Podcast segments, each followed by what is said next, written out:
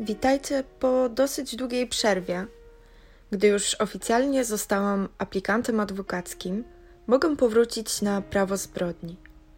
Wiem, że wielu z Was woli dłuższe odcinki. Ten jednak nie spełni Waszych oczekiwań, no ale w końcu od czegoś trzeba zacząć. Dziś opowiem Wam o sprawie, która wydarzyła się w Australii, a dokładniej w Sydney 20 lipca 2019 roku. 26-letnia Jessica Camilleri była wielką fanatyczką horrorów. Jedne z jej ulubionych to pewnie dobrze Wam znana teksańska masakra piłą mechaniczną i smakosz. Najbardziej interesowały ją sceny, w których rozczłonkowywano ciało, przewijała je i oglądała po kilka razy. Zwykle takie sceny w filmach ludzi odrażają. Niektórzy nawet zasłaniają oczy – ale ją to po prostu nadzwyczaj fascynowało. Jessica cierpiała na choroby psychiczne, miała autyzm oraz niewielki stopień niepełnosprawności umysłowej. Według jej przyjaciółki była niezwykle wymagająca i bardzo często wyzywała swoją mamę. Dochodziło pomiędzy nimi do licznych kłótni. Rita Camilleri mimo wszystko bardzo kochała swoją córkę Broniła ją przed całym światem. Jessica miała w niej wielkie wsparcie i zawsze mogła na nią liczyć. Rita Camilleri była sfrustrowana psychiatrami i e, niepewnością diagnostyczną. Próbowali stabilizatorów nastroju, leków przeciwpsychopatycznych i przeciwdepresyjnych z ograniczonym powodzeniem. Sześć miesięcy przed atakiem Jessica zaprzestała przyjmowania jakichkolwiek leków, a wtedy Rita zaczęła szukać naturalnych alternatyw. Rita czuła, że zawiodły ją wszystkie systemy. Zwróciła się wówczas do medium, gdyż była przekonana, że jej córka została opętana przez jakąś nadprzyrodzoną siłę. Matka chciała uwolnić Jessikę od demona, który miał ją prześladować. Przyjaciółka Rity powiedziała, że ta zapłaciła 2500 dolarów, ale nigdy nie otrzymała żadnej pomocy. Uważała, że Rita desperacko szukała czegoś, co mogło pomóc jej córce. Każdy, kto znał Jessikę, ostrzegał Ritę, że jeżeli matka nie zacznie interweniować, to komuś w końcu może stać się krzywda. Niestety Rita nie wzięła sobie tych słów do serca. Twierdziła, że jej córka nie byłaby w stanie nikogo skrzywdzić.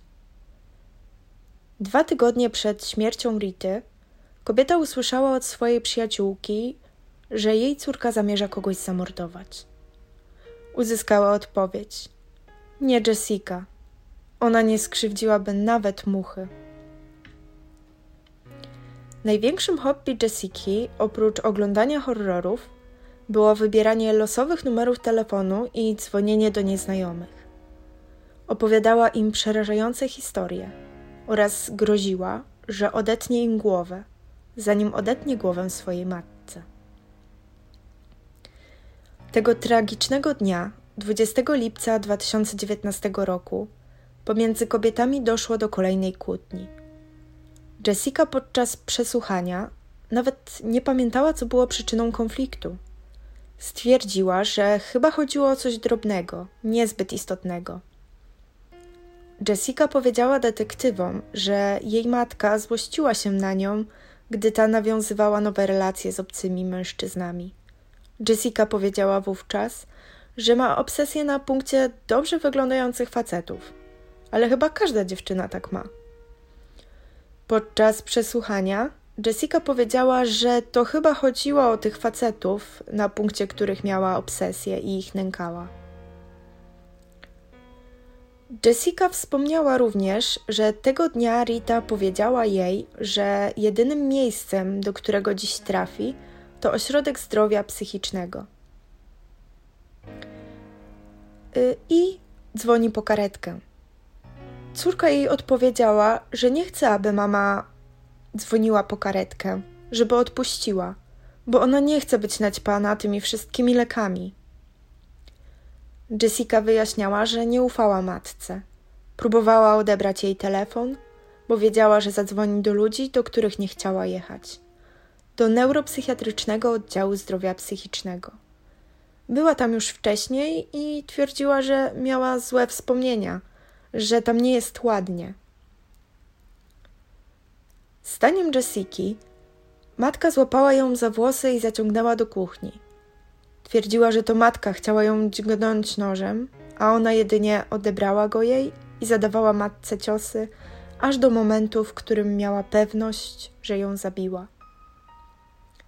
Podczas przesłuchania powiedziała: Ciągle ją dźgałam i dźgałam, aż odcięłam jej głowę. Po zbrodni, której dokonała, wyniosła głowę matki na zewnątrz, chcąc pokazać sąsiadom. Jednak zaraz po tym tragicznym zdarzeniu Jessica pobiegła do sąsiada z słuchawką w ręku, gdzie nawiązywała połączenie z numerem alarmowym. Sąsiad zauważył, że dziewczyna jest cała pokryta krwią, co niezmiernie go przeraziło. Jessica, wzywając pomoc, powiedziała: Potrzebuję, abyś natychmiast tu przysłał karetkę i policję. To jest sprawa życia lub śmierci. Następnie przekazała telefon sąsiadowi, mówiąc, że jej ręka krwawi. Sąsiad powiedział operatorom, że nie wie, co się stało, ale chyba pokłóciła się z matką. Po czym Jessica odezwała się, że jej matka próbowała ją dźgnąć i myśli, że zabiła ją w samoobronie. Po przyjechaniu na miejsce policji, Jessica pokazała im najpierw głowę, a potem resztę ciała Rity leżącego w domu. Podczas rozmowy z policjantem zapytała: Słuchaj, oficerze, wiem, że pytałam o to już dwadzieścia milionów razy, ale zapytam cię jeszcze raz. Nic nie możesz zrobić? Ona już nie żyje, prawda? Policjant odpowiedział: Niestety nie żyje, tak. Jessica wtedy zapytała, czy nie mogą zrestartować jej serca ani nic. Na co policjant odpowiedział, że nie, bez głowy niestety nie mogą. Jessica nie poddawała się i ponownie zapytała policjanta. Wiem, że lekarze mogą czynić cuda. Czy nie mogą przyszyć jej głowy z powrotem?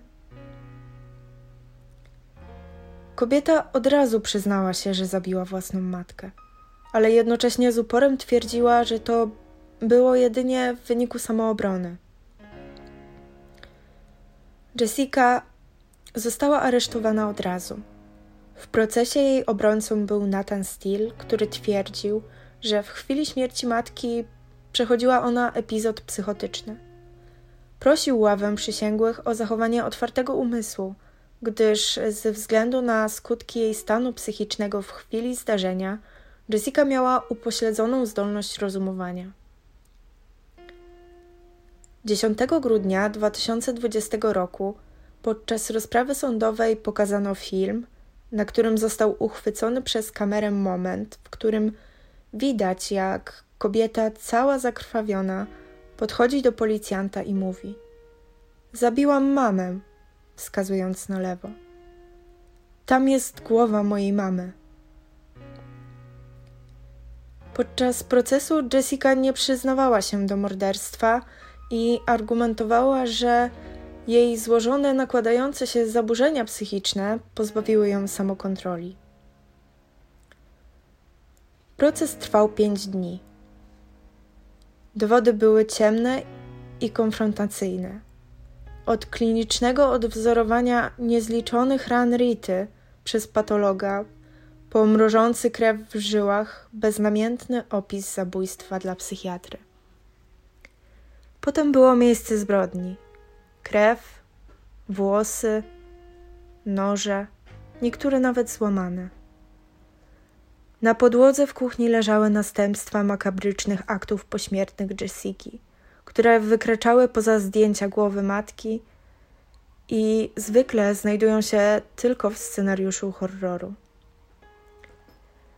Po roku Jessica przyznała jednak psychiatrze Davidowi Greenbergowi, że to był jej pomysł Mówiła, że miała chore myśli i porównywała się do rzeźnika. Nalegała, aby dr Greenberg zapisał to sędziemu, cytując teksańską masakrę piłą mechaniczną, którą obsesyjnie oglądała. Jednak przed policją Jessica początkowo domagała się samoobrony, obwiniając matkę o zagrożenie powrotem do ośrodka zdrowia psychicznego i zaatakowanie jako pierwsze. Sugestie te wywoływały pełne irytacji westchnienia ze strony krewnych. Z innych świadków wyłonił się kolejny obraz Rity, zmęczonej i wyczerpanej opiekunki. Jej, star jej starsza córka Christy, która zdystansowała się od Jessiki, wierzyła jednak, że dom grupowy może jej pomóc. Jessica nieustannie domagała się uwagi i wydawała rozkazy swojej matce z kanapy, jak twierdziła Christie. Rodzina była blisko i wspierała Jessikę. Jej ojciec był jednak ostrożniejszy niż matka. Rozdzielili się w 2015 roku. Jessica zaprzeczyła swojej początkowej historii podczas badania doktora Greenberga, przyznając, że była agresorem. Byłam w napadzie wściekłości, wyjaśniła. Psychiatra postawił trzy diagnozy niepełnosprawność intelektualna, zaburzenie ze spektrum autyzmu i okresowe zaburzenia wybuchowe. I to ten ostatni wywołał atak wściekłości, powiedział dr Greenberg. Jessica została opisana jako dziecinna, naiwna, narcystyczna i egocentryczna. Dr Greenberg twierdził, że jej jedynym wsparciem, jedyną prawdziwą towarzyszką była właśnie jej matka. Jessica była nieustannie prześladowana w szkole. Pozostawała wiele lat w tyle i nauczyła się dokonywać zemsty poprzez ukierunkowaną agresję, głównie na kobietach. Skupiała się na rzeczach takich jak dzwonienie do nieznajomych po 100 razy dziennie i powtarzanie horrorów. O jej wyborach filmowych inny psychiatra, Richard First, powiedział: Nie sądzę, że się boi. Myślę, że sprawia jej to przyjemność. Jessica nie tylko miała wypaczone postrzeganie filmów, ale uzyskała szablon, który wykorzystuje, kiedy ogarnia ją gniew, powiedział. Dzień wcześniej, przed zabójstwem, Rita zabrała córkę na komisariat w sprawie nowych dowcipów telefonicznych. Doktor Greenberg powiedział, że Jessica może zostać sprowokowana przez nieznajomego patrzącego na nią dziwnie. A sąd wtedy usłyszał, że w dniu ataku czuła, że jej matka zawstydziła ją podczas wizyty u lekarza. Podczas procesu Jessica od czasu do czasu uśmiechała się do strażników i siedziała cicho obok pełnomocnika. Jej brązowe włosy były starannie związane z tyłu. Postać ta była trudna do pogodzenia z zakrwawioną kobietą z wideo miejsca zbrodni, z ufarbowanymi na blond włosami i szybką przemową. Wtedy, w rozmowach z policją, Rozproszone pytania odzwierciedlały troskę o jej własną przyszłość. Jessica powiedziała, że po tym, co zrobiła, jej rodzina na pewno nie będzie jej chciała. Martwiła się miejscem, w którym prawdopodobnie spędzi lata i błagała o jakąś alternatywę. Mogę sobie tylko wyobrazić, jak będzie wyglądało więzienie, powiedziała detektywom. Chciałabym po prostu pojechać do domu grupowego, gdzie ktoś może dobrze się mną zająć. 10 grudnia 2020 roku Jessica Camilleri została uznana za winną zabójstwa swojej matki Rity w brutalnym, ciągłym ataku ścięcia głowy obejmującym do 200 ran kłutych. 27-latce grozi maksymalnie 25 lat więzienia i zostanie skazana w lutym 2021 roku. to wszystko na dziś. Jestem ciekawa, czy macie takie samo zdanie jak sąd. Czy powinna zostać uznana za winną zabójstwa? Czy tutaj też y, kara powinna zostać jakoś złagodzona przez to, że miała problemy psychiczne? Piszcie w komentarzach, co sądzicie. Na dzisiaj to wszystko. Do usłyszenia.